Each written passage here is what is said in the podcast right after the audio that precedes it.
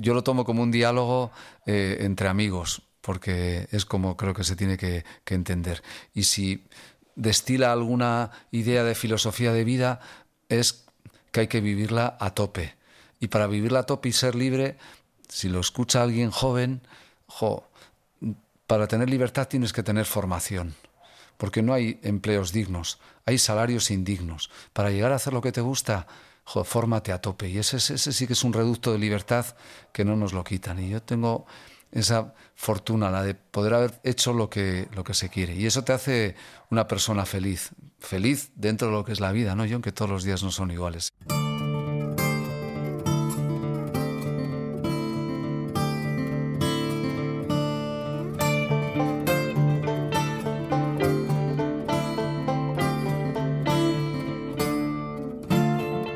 Currículum de nuestro anfitrión en esta visita de Estamos Dentro es de los de quitar el hipo. Compaginó los estudios con el fútbol y a pesar de ello fue el primero de su promoción. Nada más acabar la carrera, comenzó a dar clases y lleva 35 años en ello. Es catedrático de Derecho Internacional Privado en la Universidad del País Vasco a lo que suma infinidad de compromisos con todo tipo de entes, asociaciones e instituciones. Más allá de todo esto, no hay cuestión geopolítica vinculada al derecho internacional de la que no le pidan opinión en prensa escrita, radio y televisión. Habrá quien piense que lo tenemos muy visto y oído. Incluso él mismo lo podría pensar pero estamos dentro nos regala el privilegio de entrar en la esfera privada de nuestros protagonistas y teníamos muchas ganas de contar en esta temporada con Juanjo Álvarez. Porque más allá de ser uno de esos sabios a los que siempre hay que escuchar con atención, es una persona que encarna una serie de valores que por desgracia no son tan habituales en los ámbitos desde los que le solicitan consejo. Trabajador incansable, amable, discreto, humilde, siempre dispuesto a colaborar, podría tener el cargo que quisiera en muchos de esos entes a los que asesora. Pero Juanjo Álvarez está donde quiere estar. Bueno, casi siempre.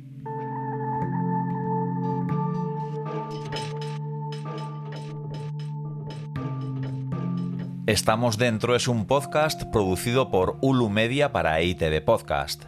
Yo soy John Martija y esto que hacemos con todo el mimo y cariño lo puedes escuchar en tu plataforma de audio favorita.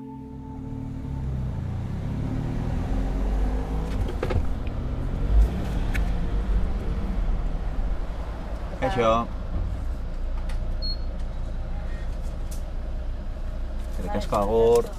Tarde de lunes.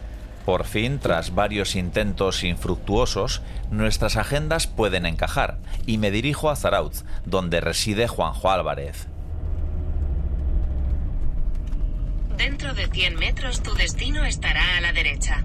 Su casa está en una zona residencial desde la que contempla el atardecer. Tu destino está a la derecha.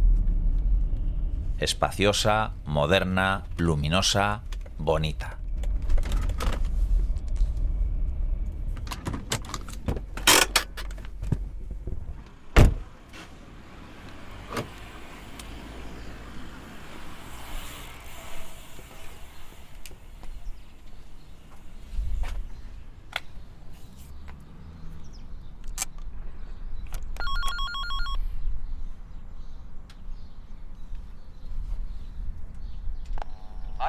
Juanjo.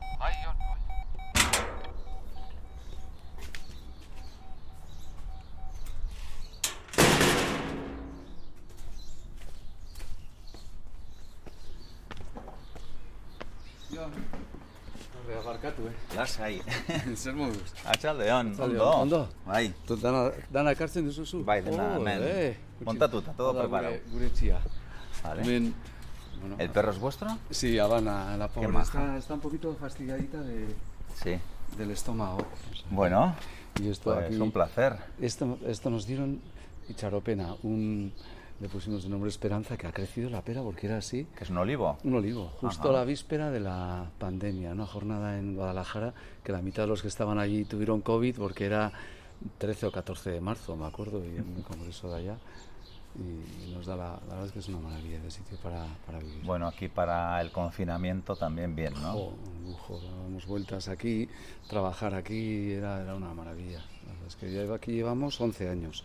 Ahora ya ahora han hecho la parte de atrás que hay un montón de gente joven y, y yo- Al final Zarauz tiene que ampliarse para algún no, lado, ¿no? También parece que puede ir luego hacia allá, pero para el que no vive, yo al pueblo voy como ir luego a hacer la compra, a hacer historias que te tocan, pero si no eres de, de potear o de esto, tiramos hacia el camping desde aquí y es una, es una maravilla. O sea que- Perfecto. yo había pensado dentro, pero tú dime. Sí, ¿te yo creo que por Sí, sonido ¿no? y Vale. eso, por si acaso, al final siempre Vale. pues una mesita donde podamos poner los micros. Vamos, y aquí tenemos la planta baja donde podía ser aquí. Aquí perfecto. Vale. Ahí tengo mi mesa de, de trabajo, la, la de cuando estoy con gente y arriba tengo otra de escapada y bueno, y carne Ujú. también para, para estar ahí. O sea que, y aquí, porque aquí es un sitio precioso, pero se oye mucho, Sí. mucho coche y... Bueno, adentro, por si acaso mejor. Como es una cosa así larga, Bye. pues Pero aquí es una Bueno, ahí preparamos tenemos- en ahí un tenemos la- pispas. las cenizas de la Ita.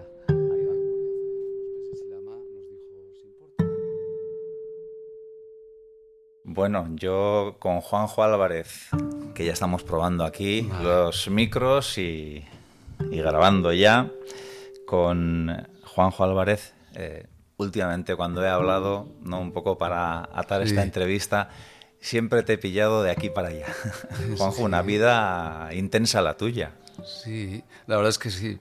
Me encanta el trabajo y, y mis hijos me suelen preguntar, Aita, ¿y tú a qué, a qué te, te dedicas en el sentido profesional? Porque es verdad que mi centro de vida es la, la universidad, pero entre ámbitos de empresa, ámbitos institucionales y pro bonos varios de, de instituciones y de fundaciones, pues no hay semana que no haga dos, tres días Vitoria, Bilbao, San Sebastián, pero, pero bueno, a veces te estresa más una sola actividad donde no estás a gusto y en mi caso poliactividad, pero ligada siempre de una forma u otra al derecho, te da un cierto hilo conductor. o sea que- Me gusta que tus hijos te hagan esa pregunta porque te la podía hacer yo también, en el sentido de que eh, tenía muchas ganas de hablar contigo, de hacer esta entrevista, pero mm, tenía mis miedos de, de si realmente mm, íbamos a poder explicar bien eh, lo que es tu faceta profesional, ¿no? Que esta es una entrevista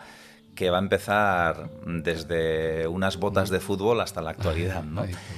Pero, pero claro, eh, derecho internacional, bueno, hablaremos de, de todo ello, pero vamos a ir en orden cronológico, ¿no? Y empezamos en Zumaya, tú eres eh, zumayarra, aunque residente en Zarauz. Llevas muchos años aquí, pero por saber ese porcentaje, ese ADN, cómo está repartido, en las traineras, ¿con quién vamos? Con Telmo Deun, Sí. desde siempre, sí, tuvimos nuestros años potentes y eso es un sentimiento y los sentimientos en general no suelen cambiar mucho a lo largo de la vida. Y es verdad que vivimos pocos años en Zumaya. Yo con cuatro añitos nos fuimos tres a Iruña porque el Aita no tenía estudios y eh, salió trabajo en Embutidos Mina que luego supe que era de la Sagrario Mina, la mujer del Endacari posteriormente Garay Cochea. Nos Ajá. fuimos a vivir allí por cosa del trabajo de la ITA, vivimos ahí unos años, de ahí nos fuimos mm, como nómadas a Valladolid porque le dijeron que había que ir hasta abrir una delegación comercial allí Ujú. y con ocho o nueve años nos fuimos los cuatro allí y volvimos a, a casa, pero en aquella época, años 74, yo tenía 10 años, te ubicabas donde estaba la delegación o la cámara y todo lo que había allí y esto tocó en Las Artes y en Las Artes pues viví un montón de años que te marcan, de- desde los 10 hasta los 26 en que me casé y desde entonces vivo en Zarauz, pero Zumaya son tus raíces y las raíces no, no se olvidan, ¿no? Aparte que Bueno, la y por suerte eh, en las artes trainera no hay, o sea que ahí no había conflicto posible. Ah, pero había la, la trainera de Michelin que patrocinaba, tuvo unos años Mm. muy potentes también, a pesar de ser el, el río Oria. ¿Trainera o batel? Era Batel, pero también llegó a competir en, en trenera y, había remeros y patronos importantes. Allí era, es verdad que era el fútbol también del propio Michelin, pero es verdad que en eso no hubo necesidad de dividir banderas de remo. ¿no? Bueno, yo quería pillarle hoy a, a Juanjo sin uniforme, aunque más o menos todavía le, vemos con... No, en el sentido de que es una charla distendida, doméstica, ¿no? Em, tú eres ahora el anfitrión, eh, el invitado es el programa, es Estamos Dentro, y en ese sentido, bueno, pues queríamos conocerte en este ámbito más, más íntimo, más doméstico, más familiar, eh, con los chapines, con las zapatillas de casa, pero bueno, todavía estás con medio uniforme o doble uniforme, podemos decir, porque llevas camisa, llevas corbata, pero esa corbata lleva los colores de Leibar. Que no sé si es, no creo que sea casual. No, es una corbata reciente por un compromiso académico en el que me dieron y me fijé en eso, que es blaugrana y es verdad que lo de Eibar imprime también carácter. Eibar me parece la esencia de lo que es la capacidad de innovación y como Fútbol para mí fue una oportunidad. Yo estuve en los infantiles de la Real y en los juveniles desde chaval, chaval. Primero en el Texas de las Artes, jugando en el campeonato de playeros que ganamos. Ahí, por ejemplo, José María Aguirreche, Porrot, el payaso, era uno de los compañeros de, del equipo del Texas de las Artes, que ahora es Ostadar. Y ganamos aquel campeonato. Y me acuerdo que luego el campeonato de Guipúzcoa, además, lo jugamos contra el Garma de aquí, de Zarauz, lo que es casualidad. Y estuve seis años, no daba el nivel y justo, como si fuera hoy me acuerdo, la víspera de la selectividad del año 82, nos llamó Carmelo Amas ahí a Tocha y nos fue diciendo uno por uno quién seguía y quién no. Y yo caí del lado de los que no, que no subían al Sanse, que era el previo ahí. Y yo me acuerdo que llegué a casa, no conté nada porque llegaban los tres días de selectividad y dije, no voy a empezar ahora a, a comentar en casa un disgusto. Terminé selectividad lo comenté y ese año eh, Perico Alonso se había ido al Barça desde nuestra Real y al Tolosa le llegó una cantidad de dinero importante, hizo pues un equipo así muy de mucha gente y me llamaron para ir y ahí estuve los cinco años de la carrera. Sí, eso, lo descubrí hace poquito, ¿no? Porque no hay mucha información tuya en internet en torno a tu trayectoria futbolística y sí que descubrí, ahí va, que habías jugado en, en, el Tolosa, en mi pueblo, antes de jugar en el Eibar, y cinco años. Sí, los cinco años preciosos y jugué además, eran tercera división los cinco años, hice amigos para toda la vida, todo hoy cuando voy allí y este año que se cumple el centenario de los sí. voy a estar con alguna charla sobre todo ese tema y si hay partido de veteranos igual me, me animo. Pero fueron cinco años que eran compatibilizar muchas horas de estudio con el con el divertirte y, con lo que es un vestuario que te da muchas cosas. Y cuando yo pensaba que ya se terminaba, eh, y yo había ido haciendo prórrogas de la mili además, porque estaba estudiando, pues llega el año 87 y llaman de Leibar para, para ir. Y el que entonces estaba en segunda B, segunda B, un escalafón más arriba. Eso es. Ese año que llegamos, que llegué, con Alfonso Barasoain y Lulaga, Garmendia, aquella época gloriosa de la bombonera de Ibar, subimos, siendo primeros de grupo, a Segunda A y nos mantuvimos el siguiente año en Segunda División también. Yo ya estaba con el doctorado, me tuve que ir también un mes y medio a Southampton para la tesis y entonces ya mm, eh, yo estaba súper a gusto, creo que Alfonso y el equipo también, pero bajé de escalón, entre comillas, porque fui al Real Unión, estuve dos años, preciosos también, eh, pudiendo hacer entrenamientos aquí y yendo allí. Eh, pero ya, bueno, nos casamos, nació el mayor Fermín, eh, el tiempo te iba pidiendo cada vez más y terminé jugando en el equipo de la Universidad del País Vasco, en el SUSEN, que ahí, por ejemplo, estuve en el equipo con Joaquín Aperribay, que era estudiante entonces. Era, era la circunstancia de que era el único profesor dentro de un equipo de estudiantes. Otros dos años en preferente, que ya era jugar por divertirte. Pero bueno, un ámbito el del fútbol que te enseña muchas lecciones de vida, John, muchísimas. ¿Te ves en alguna directiva?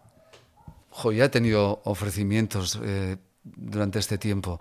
Y me acuerdo lo, cuando éramos jugadores lo que pensábamos, ¿no? Que vienen los directivos, ¿no? Y entonces he colaborado en diferentes momentos con directivas de la Real o del Eibar en cosas que han surgido, pero engancharte a ese ámbito es subirte a un carro pleno de sentimientos, ¿no? Que te absorbe muchísimo y y no, no lo vi. El fútbol me sigue encantando, me, me encanta ver, ver fútbol, pero el fútbol de verdad, ¿no? El otro terreno que mueve el fútbol en otras cosas de mercantilización del sentimiento, de, no sé, una tendencia a convertirlo más en negocio que en otra cosa, ya no me convence tanto, ¿no? Em, estamos grabando esta entrevista en casa de Juanjo Álvarez a los pocos días de que Leibar pues, ha consumado el desastre absoluto después de una temporada en la que parecía que todo iba sobre ruedas, de que iban a a volver a la primera división, pues eso, ¿no? Mm, caen, eh, otro año más en segunda y, esto cómo lo vives tú también como ex armero. una decepción, me decía en casa Carmen, ¿no? Pero ¿cómo puede ser que lo vivas así, ¿no? Pues porque al final construyes más o menos racionalmente tu, tu vida, pero eh, la decepción del día de Alcorcón en que dependías de ti mismo, me ponía el papel de los jugadores, les veía blancos, como si llevaran kilos de escayola en las piernas. No sé si no hubo un trabajo psicológico, ¿no? Porque era un partido para salir a por él y pasar por encima del rival, porque no vas a tener como club ni como jugador ocasión de... Y no hubo eso. Y yo, era el domingo a la tarde, recuerdo la sensación y la percepción de decir, no van a ser capaces de superar el playoff.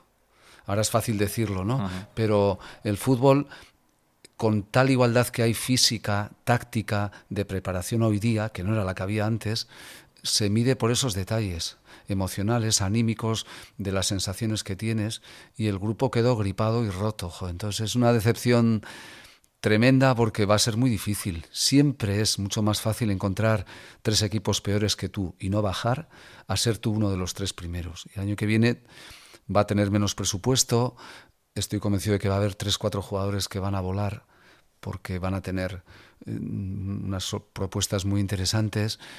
Y es una decepción, pero si algo tiene el Eibar es que sabe reinventarse a sí mismo y la afición también, y espero que el lapso del verano sirva, pero me llamó la atención.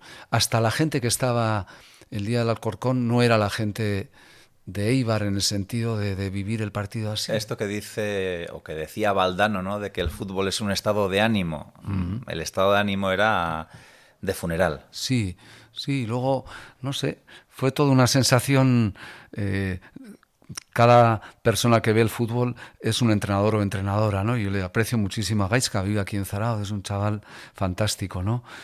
yo creo que empezamos a perder la vía del ascenso el día del Valladolid, en que con un empate las cuentas salían jugando en casa y se salió a amarrar el empate y el otro equipo vino a ganar y ganó y entonces nos empezaron a entrar los nervios. Yo creo que ahí fue el primer momento. Y lo de Alcorcón es difícil, será para analizarlo al futuro, porque el otro equipo tampoco hizo ninguna cosa del otro mundo. Así que, bueno, eh, una decepción. Pero el fútbol es como la vida, ¿no? Te tienes que levantar, seguir adelante y como es eso, un choco irracional, sentimental, tienes que saber dominarlo razonablemente y dejarlo un poquito aparcado y seguro que la directiva estará pensando ya en cómo preparar el año que viene y ojalá despertar una ilusión que va a ser muy, muy complicado, porque es una maratón a la que estás a punto de llegar y te quedas a medio kilómetro de la meta, ¿no? Ha sido primero 40 kilómetros y al final te desfondas y... Ay, es tremendo, pero... bueno de estas historias también se nutre el fútbol, ¿no? Y su, su épica mm. y los equipos que han subido, pues nada, que lo celebren y lo mm. disfruten. Y, cómo ha cambiado el fútbol, ¿no? De, aquella oh. época en la que compartías vestuario con un carnicero mm, a, lo que se gana hoy en día incluso en una segunda división. Sí, aquella época, José Ignacio Garmendia, que además traía al final de los entrenamientos el, queso, el embutido, en los desplazamientos también, pero eh, pues Loren era toldero, el mejor jugador, Gómez de Segura Pajarito, trabajaba en una calderería en Vergara, llegaba literalmente lleno de, de hollín a más de un entrenamiento, yo era el estudiante, como si fuera así el que se llevaba los libros a los desplazamientos, porque íbamos en autobús. El, año de segunda vez nos tocó el grupo gallego, hicimos 14 viajes a Galicia en épocas sin autovías, que, eran horas, viajes de 13, 14 horas, ¿no? Y, pero era un grupo humano fantástico Luluaga, que repartía papeles Scott por los, por los bares, eh, otro que trabajaba era tornero. teníamos un conjunto, pero era un sentimiento. Yo recuerdo una, una anécdota preciosa cuando llegó eh, Juan Luis Mardaras, venía de Caja Laboral, ese componente de austeridad emocional, no había jugado a fútbol y era el segundo presidente que teníamos, era el segundo año. Y llegó, me acuerdo de la pretemporada, habíamos hecho el entrenamiento, al terminar el entrenamiento aquello, no sé cómo será ahora un vestuario, pero era el momento nuestro de intimidad dentro del grupo, de hablar, la ropa tirada por ahí, te habías duchado, entró él, nos pusimos sentados todos a escucharle y cuando ya termina el, el speech nos, se da la vuelta y nos dice, bueno, el siguiente día en que venga, todo eso no lo quiero ver así. Y se levantó el gran capitán Garmendia y le dijo, Juan Luis, ¿ves aquella puerta? La del vestuario. Mira, de aquella puerta para allí mandas tú y haremos todo lo que digas. De esa puerta para aquí mandamos nosotros. Y era un nosotros real, porque era un plural. Eh, en aquella época, un espectador o espectadora que estuviera en el campo, si no estaba muy atento, no sabía quién había metido un gol, porque lo celebrabas como piña y volvías como piña todos. Ahora es el individualismo, ¿no? El, Buscando la cámara para que te enfoquen. la fan cámara. En la celebración. Ya sé que ha cambiado la sociedad y también eso, pero eh, no sé, yo la sensación de, de lecciones de vida que te da un vestuario de solidaridad, de que te iguala, de que no hay ninguno más que menos. Y desde luego lo que apuntabas, obviamente, a nosotros nos pagaban literalmente en B dinero. O sea, el sobre era cuando ganabas la prima eh, por punto o por tal. Recuerdo una negociación para que los no convocados también cobraran.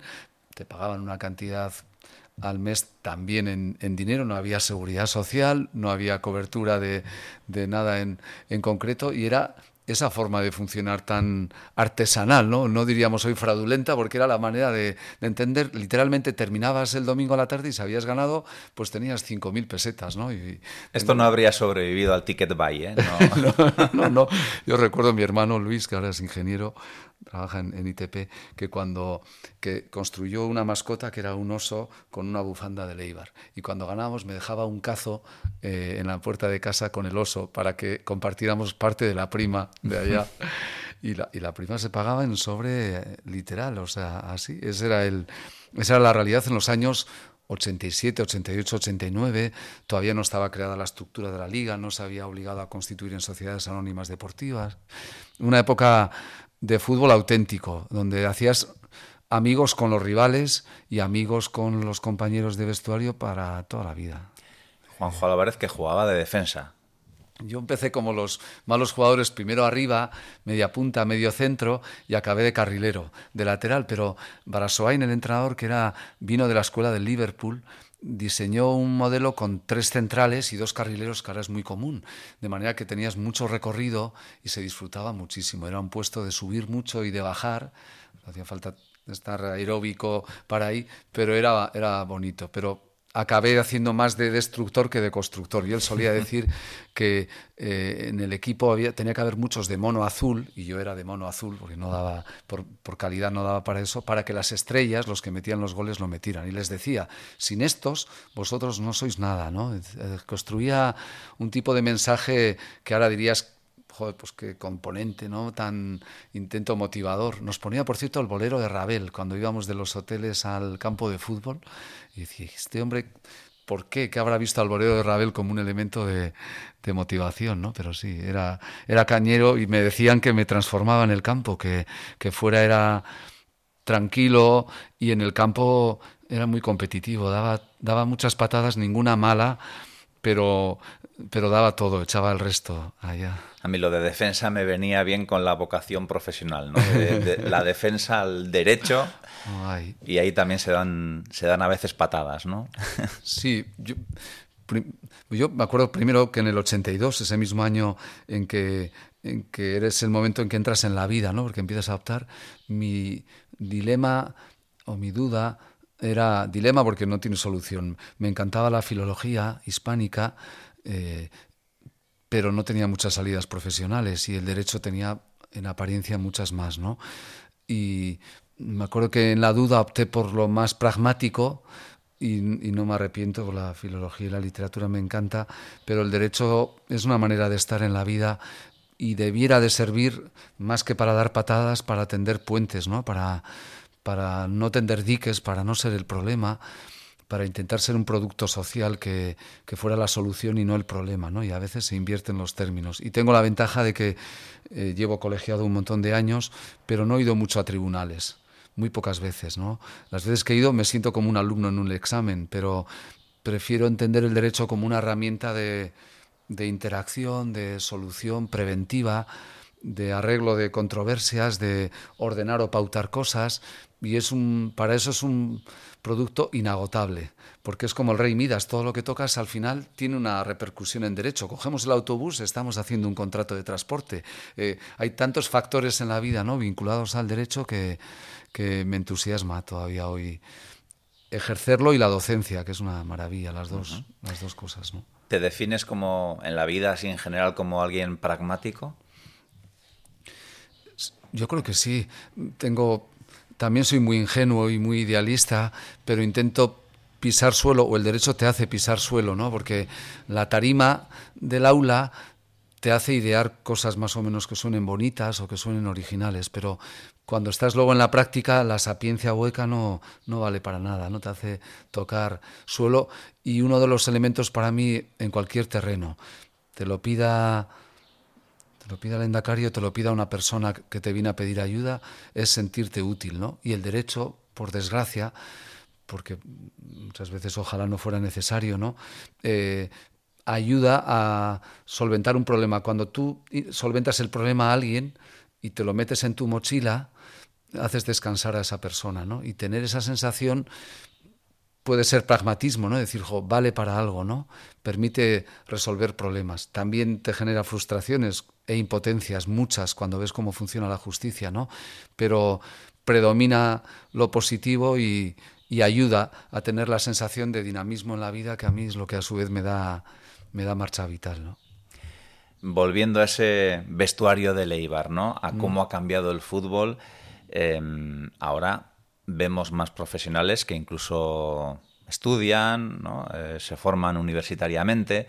En aquella época estaba el calderero, estaba el carnicero y tú eras el estudiante en ese, en ese vestuario. Sí, sí, la verdad es que, que todavía me acuerdo cuando a mi maestro Julio González Campos en la Autónoma en Madrid le tuve que decir que estaba estudiando el doctorado, porque era iconoclasta, era un poco heterodoxo, rompedor, ¿no? En el mundo académico eh, estar dedicado ahí. Resultó que él había jugado en el Betis, que yo no lo sabía, y se generó además una complicidad. Vino dos veces vino a, Noeta a ver partidos en, San Sebastián, pero era un poco sí rompedor, porque parece que asociar algo de formación o cultural al mundo del deporte y dentro del deporte al fútbol como que chirriaba, ¿no?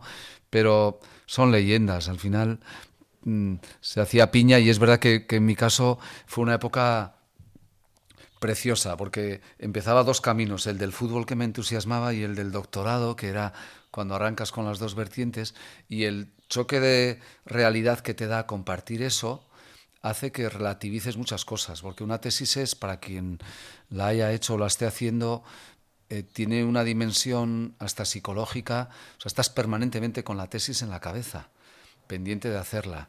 Y tener un, ámbito que te hace escapar de eso y darte cuenta que hay vida detrás de la tesis, eh, te amuebla también la mente. O sea, que fue un, un, equilibrio, pero es verdad que a los viajes yo me llevaba, ya desde, me acuerdo, juveniles en la Real, los libros, me, me encantaba estudiar y entonces no me sentía extraño vale, te has dedicado a eso, estás ahí y, listo, ¿no? Pero estando en el Real Unión ya vinieron algunos del equipo de Strangis a alguna clase a la facultad. Tenía algún equipo un poco gamberro, se portaron muy bien, pero se acercaron por ahí también. O sea, queda para anécdotas. ¿Y te vacilaban en los desplazamientos y así, con los apuntes? O... Sí, sí, porque sí en el sentido de que yo llegaba y me encerraba en la habitación. Cuando llegábamos, eh, eh, pues había mucho para ir, déjalo de una vez o te eh, pues había eh, esos viajes eran de película viendo las películas en ahí o de partida de cartas o de en VHS en aquella época que sonaba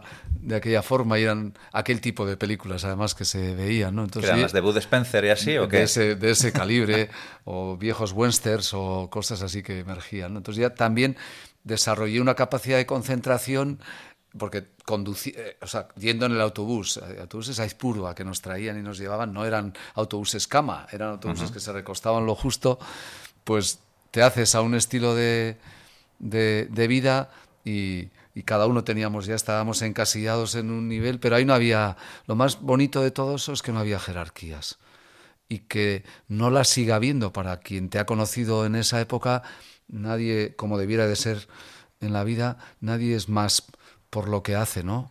Yo creo, sino que al final es lo que somos personas y en eso ese mundo del deporte en general creo que sí, tiene una capacidad transformadora que no la tiene la política. Si las hubiésemos orientar bien, tanto en la formación como en lo profesional, como en, la gente que acudimos a los estadios.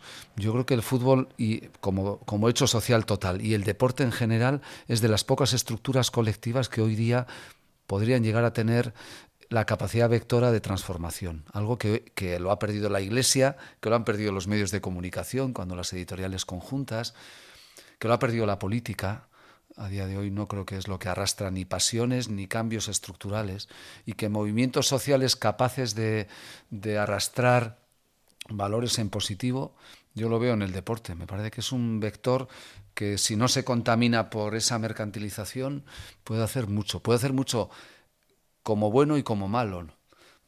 si tomamos modelos positivos y modelos negativos, lo podríamos evaluar, ¿no? Pero no sé, creo que hay ahí un terreno. Ha cambiado tanto que hoy día, si, si lo viésemos, eh, si yo fuera ahora legislador, diría, tengo que poner el acento en el deporte porque por ahí puedo lograr inculcar valores, generar un factor de integración mucho más potente. Creo que hay valores ahí inaprovechados todavía. Y ahí mm, estaba pensando, George Weah llegó a presidente de Liberia, ¿no? Si no recuerdo mal. Futbolista profesional, eh, estrella.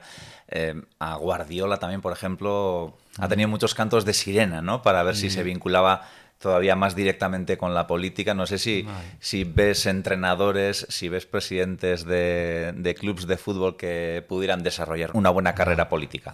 Mira Jesús Gil, lo que hizo en el Atlético No, sé si es un buen ejemplo. no, desde luego que no. Pero es verdad que, que el concepto de esa veneración al ya muy icónica ¿no? a, a, quien está al frente de un club o a, por supuesto, jugadores ¿no? que representan estrellas tienen esa capacidad de tirón que si desarrollan después realmente eh, una teoría política real, ese es el verdadero problema, logran lo que han sido queridos como jugadores ser queridos como políticos. Es, es muy difícil una, una vertiente y otra, y además, particularmente otra vez en el fútbol, gobernar un equipo de fútbol es, es gobernar un sentimiento. Mira ahora con las elecciones del Athletic, hay una evidente politización también en ese campo, ¿no? Eh, porque es muy difícil separar un plano de, otro, ¿no? Yo, yo sí veo, no sé, volviendo a Leibar, ¿no? Cuando tuvimos el escándalo de la difusión del vídeo sexual, ¿no? Sí. perdimos, y con una presidenta, eh, perdimos una ocasión de dignificar, ¿no? la transmisión de valores, ¿no? O sea, que todo lo que te importe es que los jugadores estén aislados de la polémica y protegerles, me parece un tremendo error, sobre todo después que ya podemos hablar de que no hay presunción de inocencia porque pactaron la pena para no entrar en la cárcel y pagaron la responsabilidad civil. Entonces, eh, a eso me refería cuando digo que hay ahí una capacidad ¿no? de, de, poder servir desde ese ámbito. ¿no? Y el deporte tiene un componente político brutal mirar Sudáfrica con el rugby, ¿no? el, enorme potencial que tuvo, ¿no? Para unir una nación en lo interracial.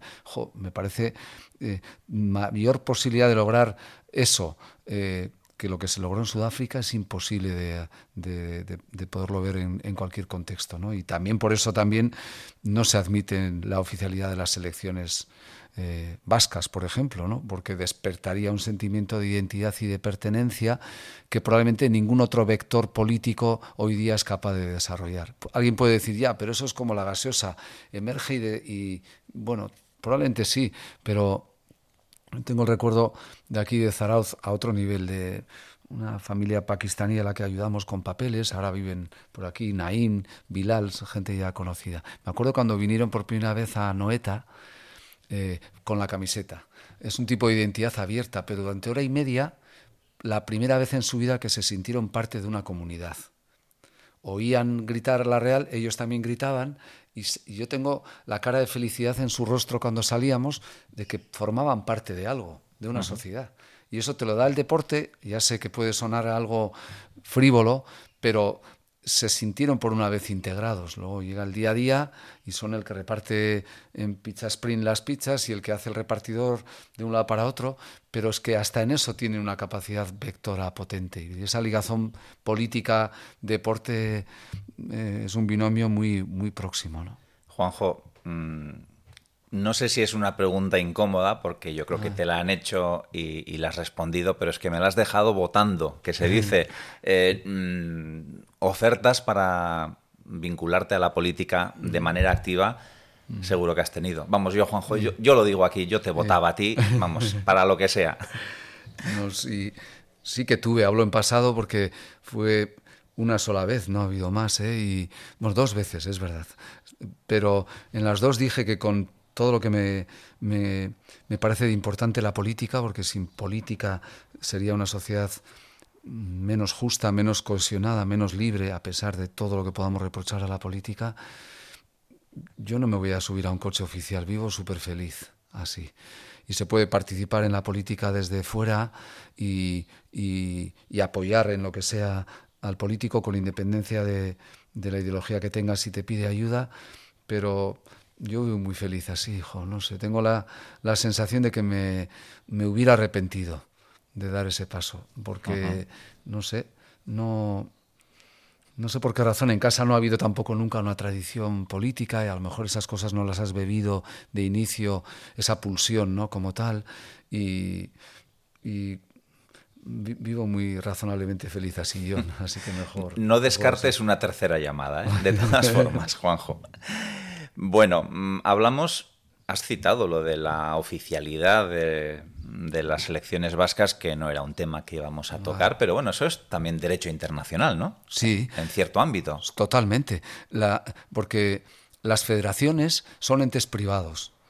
La Federación Guipuzcoana es un ente privado, la Federación Vasca es un ente privado, la Federación Española es un ente privado, la UEFA es una federación de federaciones que es un ente privado. Y la FIFA es una federación de federaciones que es un ente privado. Cuando juegan España, Polonia, no juega el Estado español contra el Estado polaco, juegan las federaciones, que son entes privados. Y la competición no es una competición interestatal, es una competición privada, lo dicen los estatutos. Eh, y lo dice la normativa incluso constitucional española, donde dice que el deporte es una competencia de cada comunidad autónoma.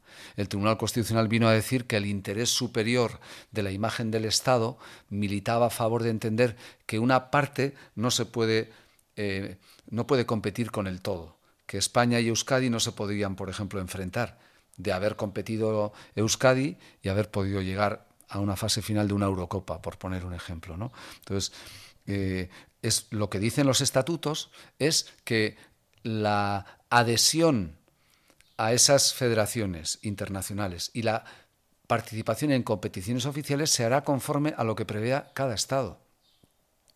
Entonces, resulta que Gibraltar, que no es un Estado, compite. Kosovo, que es un Estado no reconocido por el Estado español, compite.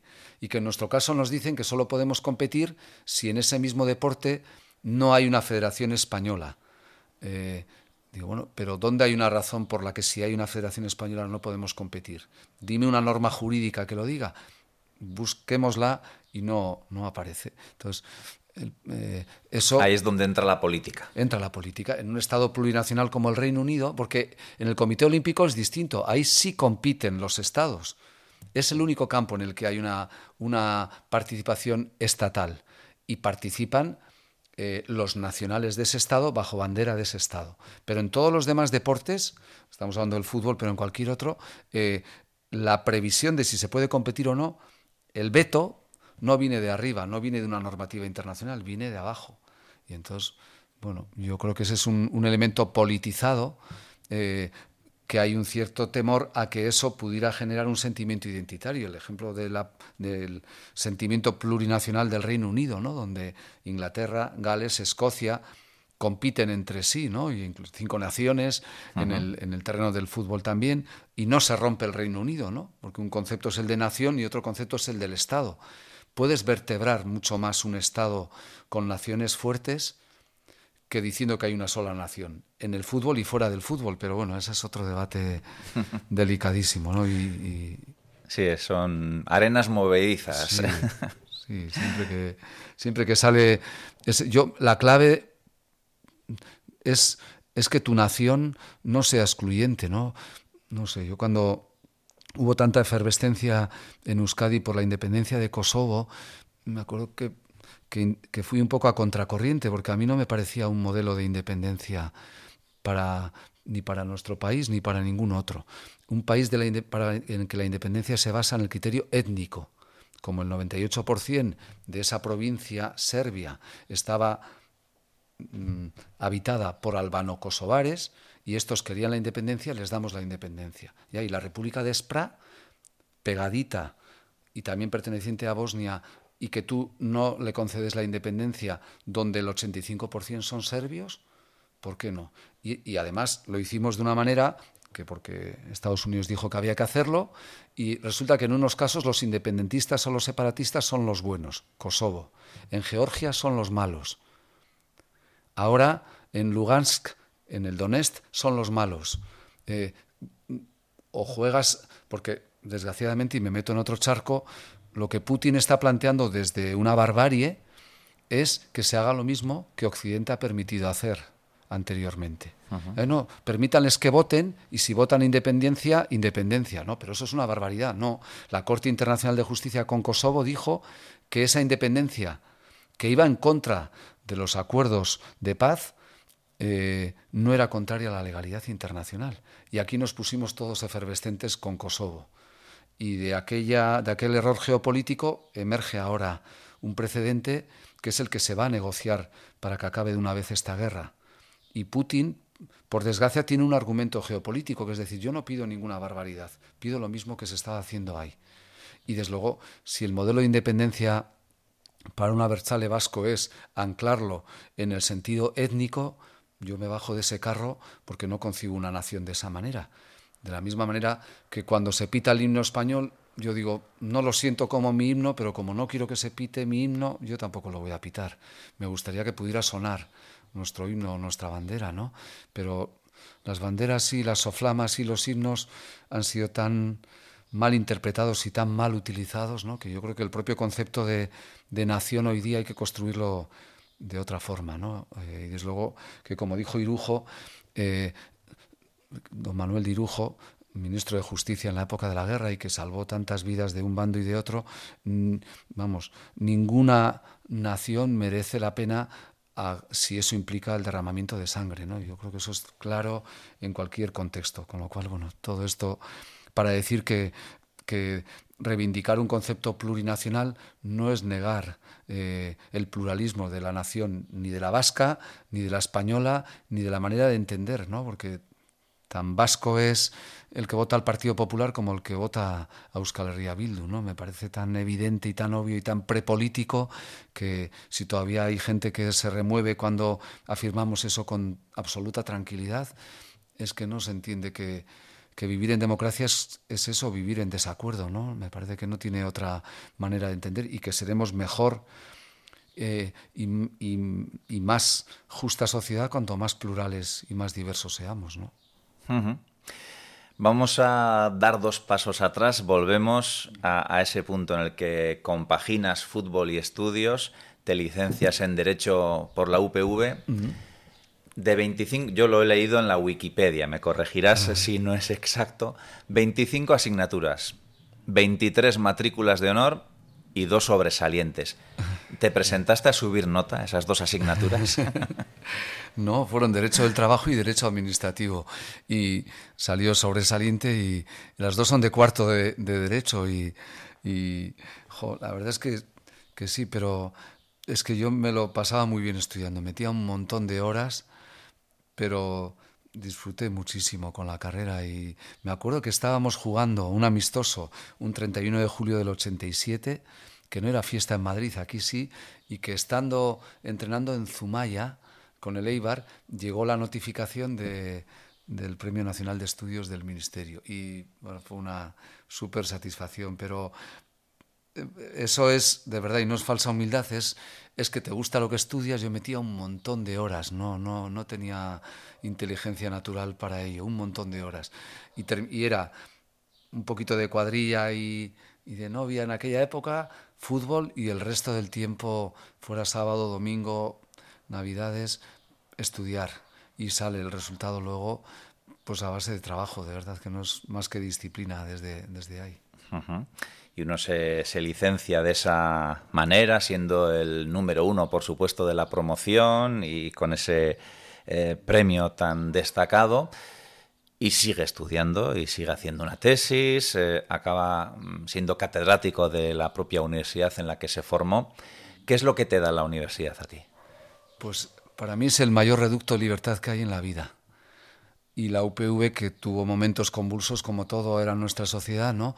Seguía siendo en buena parte un lugar, y ahora mucho más, ¿no? Donde desarrollar tu actividad, que es una profesión que la llevas sin horario, ¿no? Eh, porque hay tanto por aprender, tanto por tratar de enseñar, tanto por investigar, que es como una querencia vital que, no se va. Es una, para mí es ser afortunado poder tener eso como centro de vida y luego extender concéntricamente otra vertiente. Pero todavía me acuerdo que jugábamos en Coruña y yo llamé a casa, no era año 88 sería, llamé a casa desde el hotel de ahí de Coruña donde estábamos, pues que habíamos llegado, y sí, me dice mi madre, eh, Juanjo, que han llamado de la facultad, que llames el lunes, José Manuel Castells, que era decano entonces de la facultad, y llamé el lunes y me llamaron para ir y era pues para empezar como profesor asociado. Me, sea, me tocó dar clase a buena parte de compañeros míos de la promoción que no habían terminado todavía, porque mi asignatura estaba en quinto, Derecho Internacional Privado entonces, ahora son cuatro cursos con el grado, antes quinto, y había muchos compañeros y compañeras que todavía no habían terminado. Y yo terminé en junio y en septiembre empecé a dar clases, que es una osadía de juventud. Entonces me preparaba las clases un montón. Y estando así, pues el propio José Manuel, la gente que estaba ahí decía, Juanjo, para estar en la universidad, pues el doctorado, como no había catedrático ni catedrática de la asignatura, pues en la Autónoma de Madrid y entonces compaginé una y otra. Pero la universidad es, es un modo de estar en la vida y, y es una profesión como no hay otra. O sea, para mí es que te faltan horas y a la vez te metes en un aula y te olvidas de todo puedes tener un día malo por lo que fuera, o de mucha carga de trabajo, o de una preocupación. Yo me meto en el aula, todavía hoy, y este año son 35 años de docencia, tengo un run run en el estómago para hacerlo bien, para intentar llegar a, a los alumnos, para que la clase no sea rutinizada. ¿no? Si vas así tú, aburres. Puedes aburrir si no vas así, pero si no vas con un punto de nervio ¿no?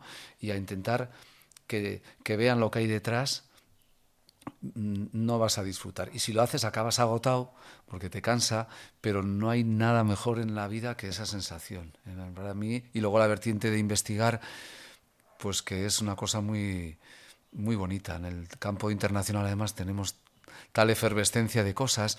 Nuestra materia antes era la pariente pobre del derecho internacional, la que fijaba el acento en las personas, ¿no? Y ahora las personas y las sociedades mercantiles. Y es que ahora la geopolítica se ha desplazado de los estados a ese otro mundo. Entonces, bueno, es un terreno súper bonito. bonito. Em, ¿Has dado clase a algún futbolista? Digo, ahora que, no son tan pocos los que también eh, se forman académicamente, ¿te ha tocado alguno? Sí, Xavi Bengochea estuvo, Astiazarán estuvo, eh, en la estoy en un máster de Derecho del Deporte, pues estuvo Barrufet, el portero de balonmano, eh, ya ha habido más, este, Iñaki Álava también, me olvidaré, me olvidaré de, gente buena y, maja, ¿eh? pero, pero sí, sí, sí que han estado por, por, las aulas. Y políticos que han estado en las aulas. Mariano Ferrer estuvo en, la, en el aula, que era un todoterreno, como lo era en las ondas también. ¿Le has dado clase a Mariano Ferrer? Sí, Mariano hizo la carrera en 3, 4 años y estuvo en, en mis clases, que eso era, pues es que alguien a quien admiras, ¿no? Y admiraba en aquel momento y que de repente se sienta ahí. O Don Elorza fue alumno nuestro, eh, también fue alumno mío, o sea que Bacarcho Tejería, no sé, Joanes Lavalle, tanta gente del país, ¿no? Porque yo doy en Donosti, pero también en Leyo ahí en Sarrico, con lo cual vas viendo todo el, el bestiario del país, en el mejor sentido de la palabra, de los parlamentarios y parlamentarias, porque la ligación entre derecho y política es muy común, pero hay un montón de gente, ¿no? Que ahora hace poco estaba con una parlamentaria del PP, con Muriel de Irún, también fue alumna, eh, Íñigo Manrique, eh, Borja Semper, no sé, tanta gente que ha pasado por ahí que luego están en la vida y ese, ese vínculo, el de profesor-alumno, eh, que es una relación vertical de alguna manera, ¿no? Pero luego se mantiene a lo largo de la vida si, no sé, si ha habido una, una buena y sincera relación, se, se mantiene, ¿no? Y claro, cuando uno lleva tantos años ¿no? a ese nivel en, en la docencia, eh, lo compagina también con otras tantas historias eh, que, qué sé yo, ¿no? Podemos hablar de la Real Sociedad Vascongada, de los amigos del país, eh, cosas que, que, oyes por ahí, pero que no sabes exactamente tampoco qué es lo que son, qué es lo que aporta Juanjo, por ejemplo, a, a una entidad como vale. esta. Pues, por ejemplo, la Vascongada, jo, yo era un, un chaval, digo, tenía 33 años y, la media en la Vascongada es muy elevada, ¿no? Gente de diferentes ámbitos de la cultura, de las artes, de ciencias. Entonces recuerdo una persona, dos a las que admiraba, José María Icart, eh, gran abogado que murió con la toga literalmente puesta y que fue maestro de letrados y letradas, amante del derecho vasco, Luis Elice, y compañero en la universidad y en la Diputación Letrado Mayor de Régimen Jurídico, y sobre todo Adrián Celaya. ¿no? Entonces yo estaba empezando con la tesis doctoral a analizar una cosa muy concreta, los conflictos internos, los conflictos que se producen entre leyes dentro del país vasco, que somos una confederación, islotes vascongados, cada uno con su legislación. Y entonces en el año 92, Adrián Celaya me llama para ir a un seminario y poder evaluar desde esa faceta una ley que se iba a preparar y tú vas con la idea de decir yo qué voy a decir, ¿no? Literalmente y a escuchar.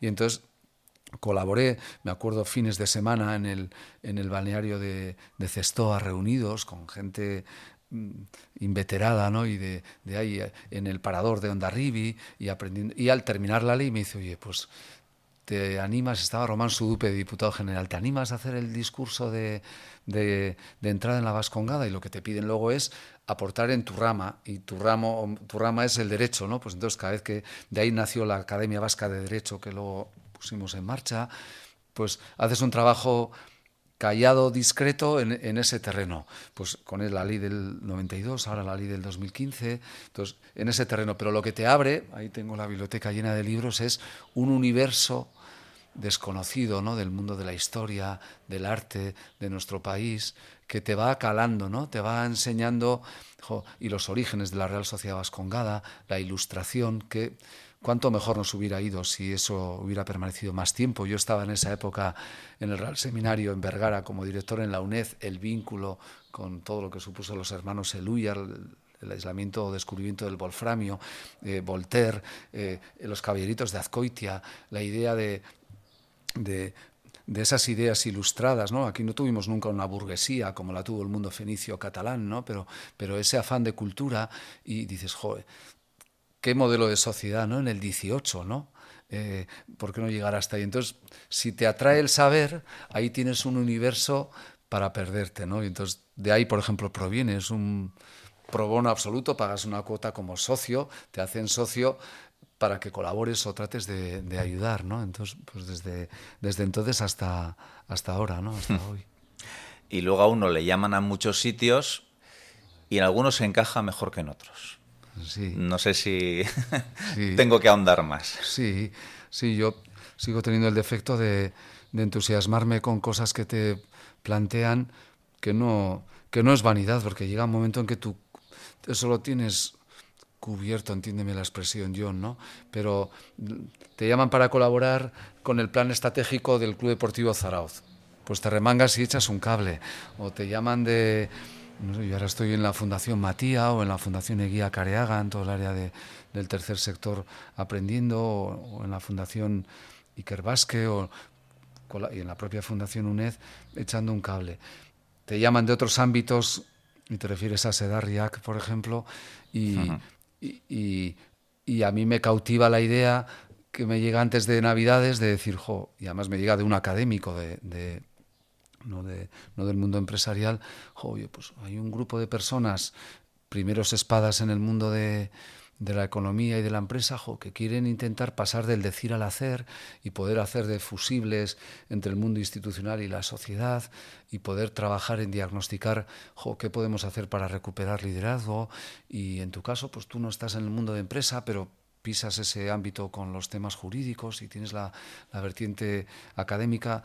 Ya te animas y pues, ves los nombres de personas y dices pues para adentro, ¿no? Un trabajo discreto, callado, eh, vamos a ir avanzando en ese terreno y, yo me animo, digo que sí, eh, no te pagan nada, los viajes para las reuniones lo haces tú, trabajas desde, desde tu ámbito de, reflexión y luego las cosas no, no son o no salen como, como no son tan discretas quizás. Sí, en ese caso, en ese caso yo, yo di el paso de irme y siempre es más difícil hacerlo después de además comprobar cómo te instrumentalizan, ¿no? Porque yo he salido por todos los lados como supuesto asesor del Endacari y yo no soy asesor del Endacari. A mí me ha llamado en alguna ocasión para pedirme opinión eh, y yo se la doy como si te pide otra persona, ¿no? Pero yo ni, ni tengo ninguna vinculación partidista ni, ni, ni orgánica, ¿no? Pero bueno, he leído que seguro que el Endacari le ha apretado para que se quite de en medio. No, no le conocen al Endacari como persona, no digo como político. Es lo último que haría Íñigo Urcuyu, el decirte qué haces ahí, ¿no? no A mí me ocurre que las cosas se filtran cuando todavía se está haciendo un trabajo callado. Eh, no encuentro una explicación de por qué eso ha ocurrido, porque no entiendo que es un error. Se genera una polémica que en lugar de apagarla se enciende más y a mí me desasosiega esa sensación, la de algo que, que merece la pena hacer en el país y sobre lo que no hay cultura, que es trabajar de esa forma, eh, se convierte en un pim pam pum, ¿no? con un determinado grupo de comunicación buscando rédito ideológico de una manera poco edificante con el magma de las redes sociales que fluye como funciona y mi reducto de libertad por ser universitario, que decir, jo, pues mira, que digan lo que quieran, lo consulté con los de casa y les dije, jo, yo me siento fatal. Eh, y me parece que este proyecto es necesario, pero sentirte instrumentalizado cuando no buscas eso y no buscas el protagonismo, me doy la vuelta, me quedo con la conciencia tranquila animo a que sigan adelante y que se trabaje de otra forma.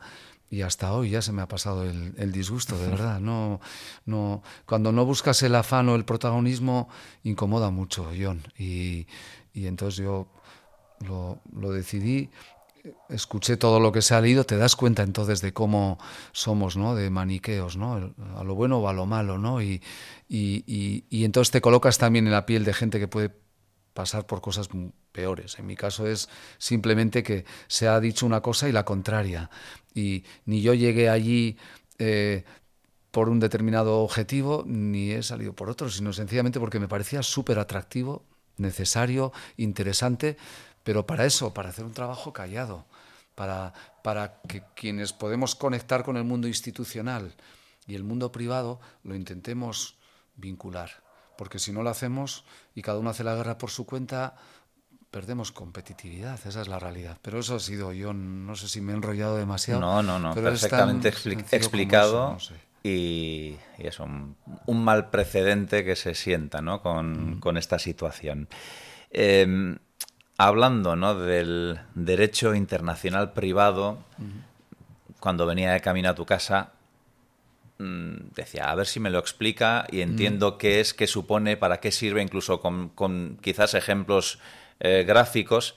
Y resulta que esta misma tarde he estado con Pello García Miano, de Zaporeac, y, me ha dicho, sí, que estamos, bueno, con, con Juanjo Álvarez, porque tenemos por ahí un container que se envió que se perdió, mm, que no nos lo devuelven y, nos está ayudando a, ver si conseguimos aclarar dónde está ese container, que nos lo devuelvan. Bueno, pues ese es, por ejemplo, un ejemplo, ¿no? Sí, sí, sí, hijo. Pello y Saporea, que son unos fenómenos. Llevamos ya meses, porque efectivamente un, un, container que iba para Nigeria lleno de armamentos de cocina, entre comillas, para montar una escuela de cocina y para dar de comer allí, desapareció supuestamente y entonces iniciamos una negociación con la naviera para intentar recuperar el coste de de lo que llamamos la carga, el cargamento, el flete, el precio pagado por el, por el porte y un intento de, indemnización. Y efectivamente ese es un caso de internacional privado porque es tú has pagado por un contrato de transporte internacional,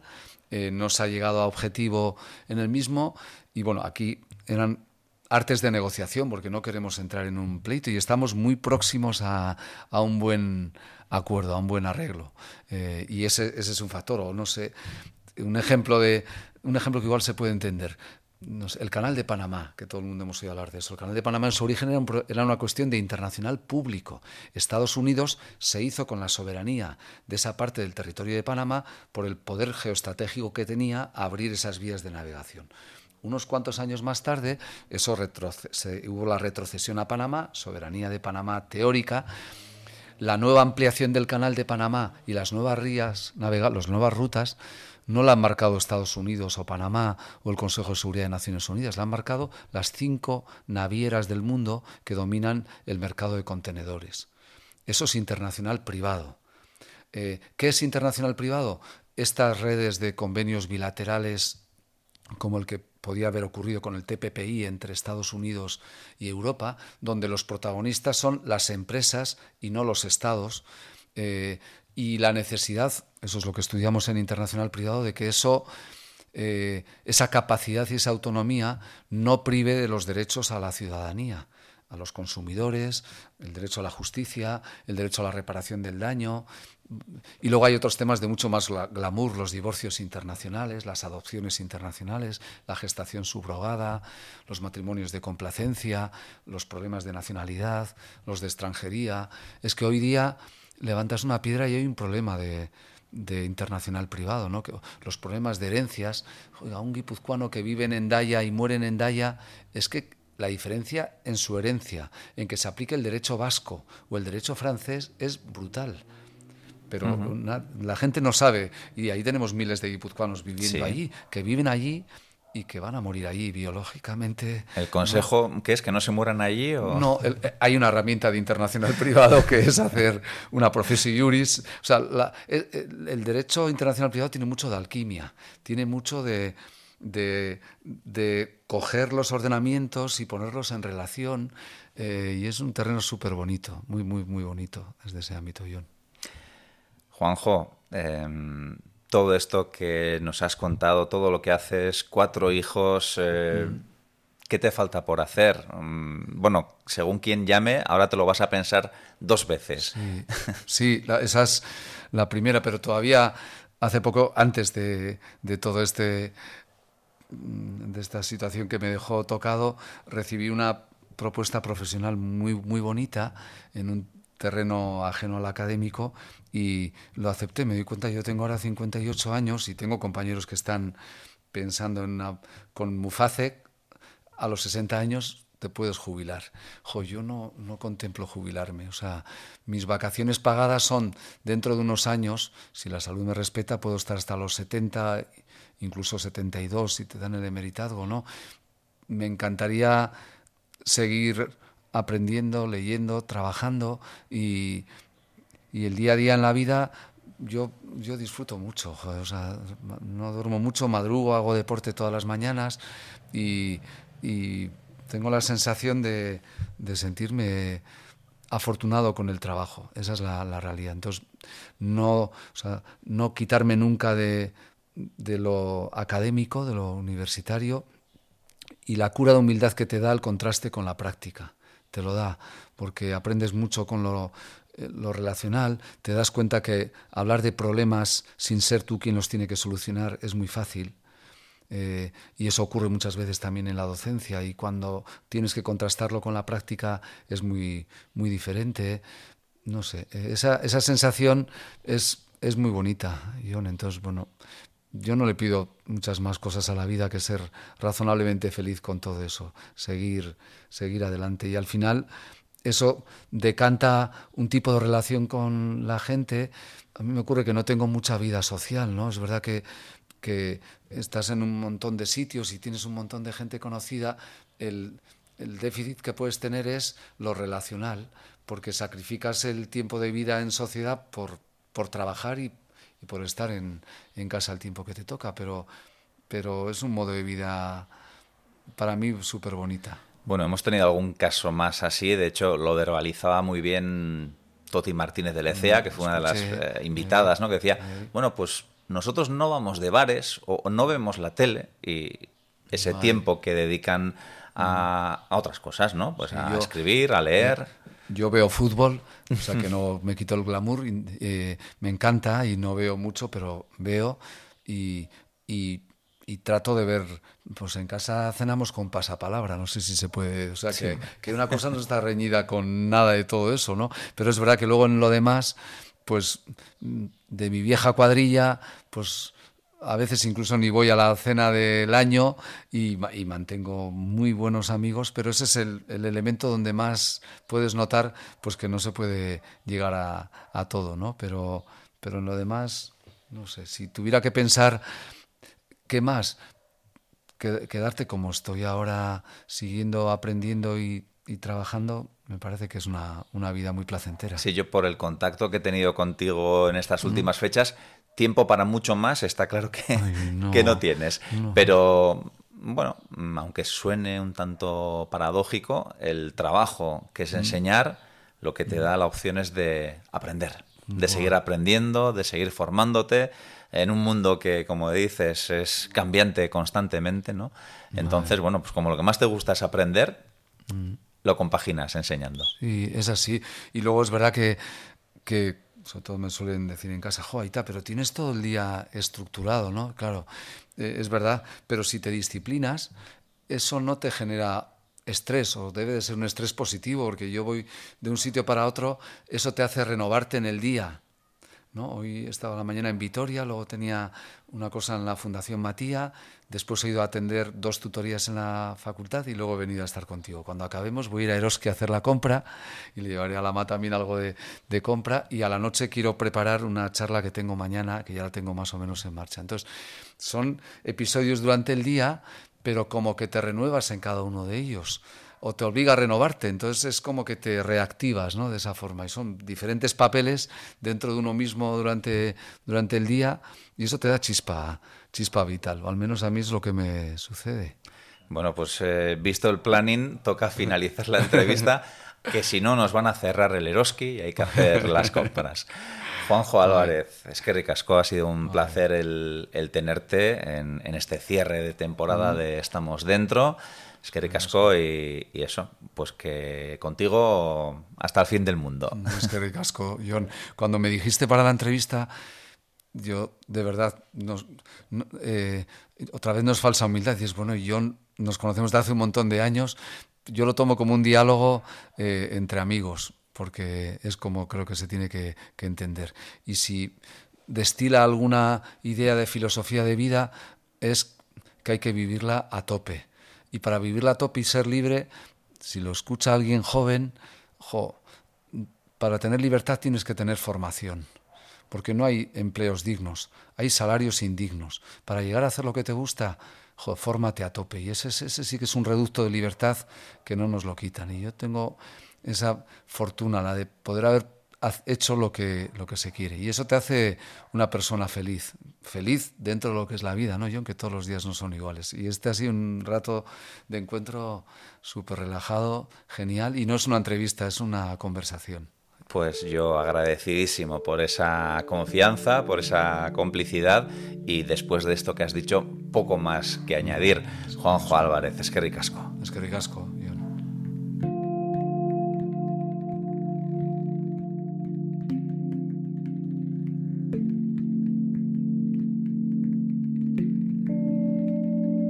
Llegamos al final del último capítulo de la tercera temporada de Estamos Dentro. Han sido 10 visitas que han pasado volando y que a mí en lo personal me han dejado un gran sabor de boca. Espero que a nuestros oyentes también. Si os habéis quedado con ganas de más, os podemos adelantar que en otoño tendremos una nueva temporada, producida nuevamente por Ulu Media para ITV Podcast. Otras 10 visitas en las que volveré a ser el conductor, ese invitado que lleva los micros y la grabadora a casa del anfitrión. Ese primer oyente que busca testimonios que nos emocionen, que nos den que pensar, que nos entretengan, que nos sorprendan, que nos apasionen Gracias a Ulu Media y a ITV Podcast por la oportunidad y especialmente a los oyentes por vuestra complicidad y compañía. Hasta que llegue la nueva temporada podéis recuperar alguno de los capítulos que se os han traspapelado o los de Barruan Gaudé, nuestro mellizo en euskera, porque iguales iguales no son, cada uno lo dota de su personalidad y la de Oyer Aranzábal mola mucho. Buscadnos en las redes sociales. Estamos dentro, Ulu Media, EITV Podcast, John Martija y contadnos en casa de quién queréis que entremos en esa próxima temporada. Todos tenemos una historia que contar. Hasta el otoño.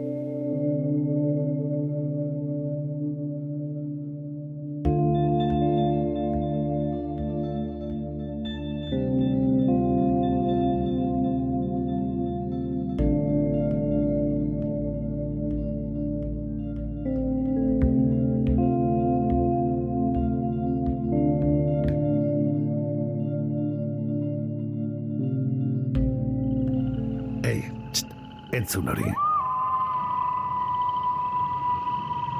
Ulu Media.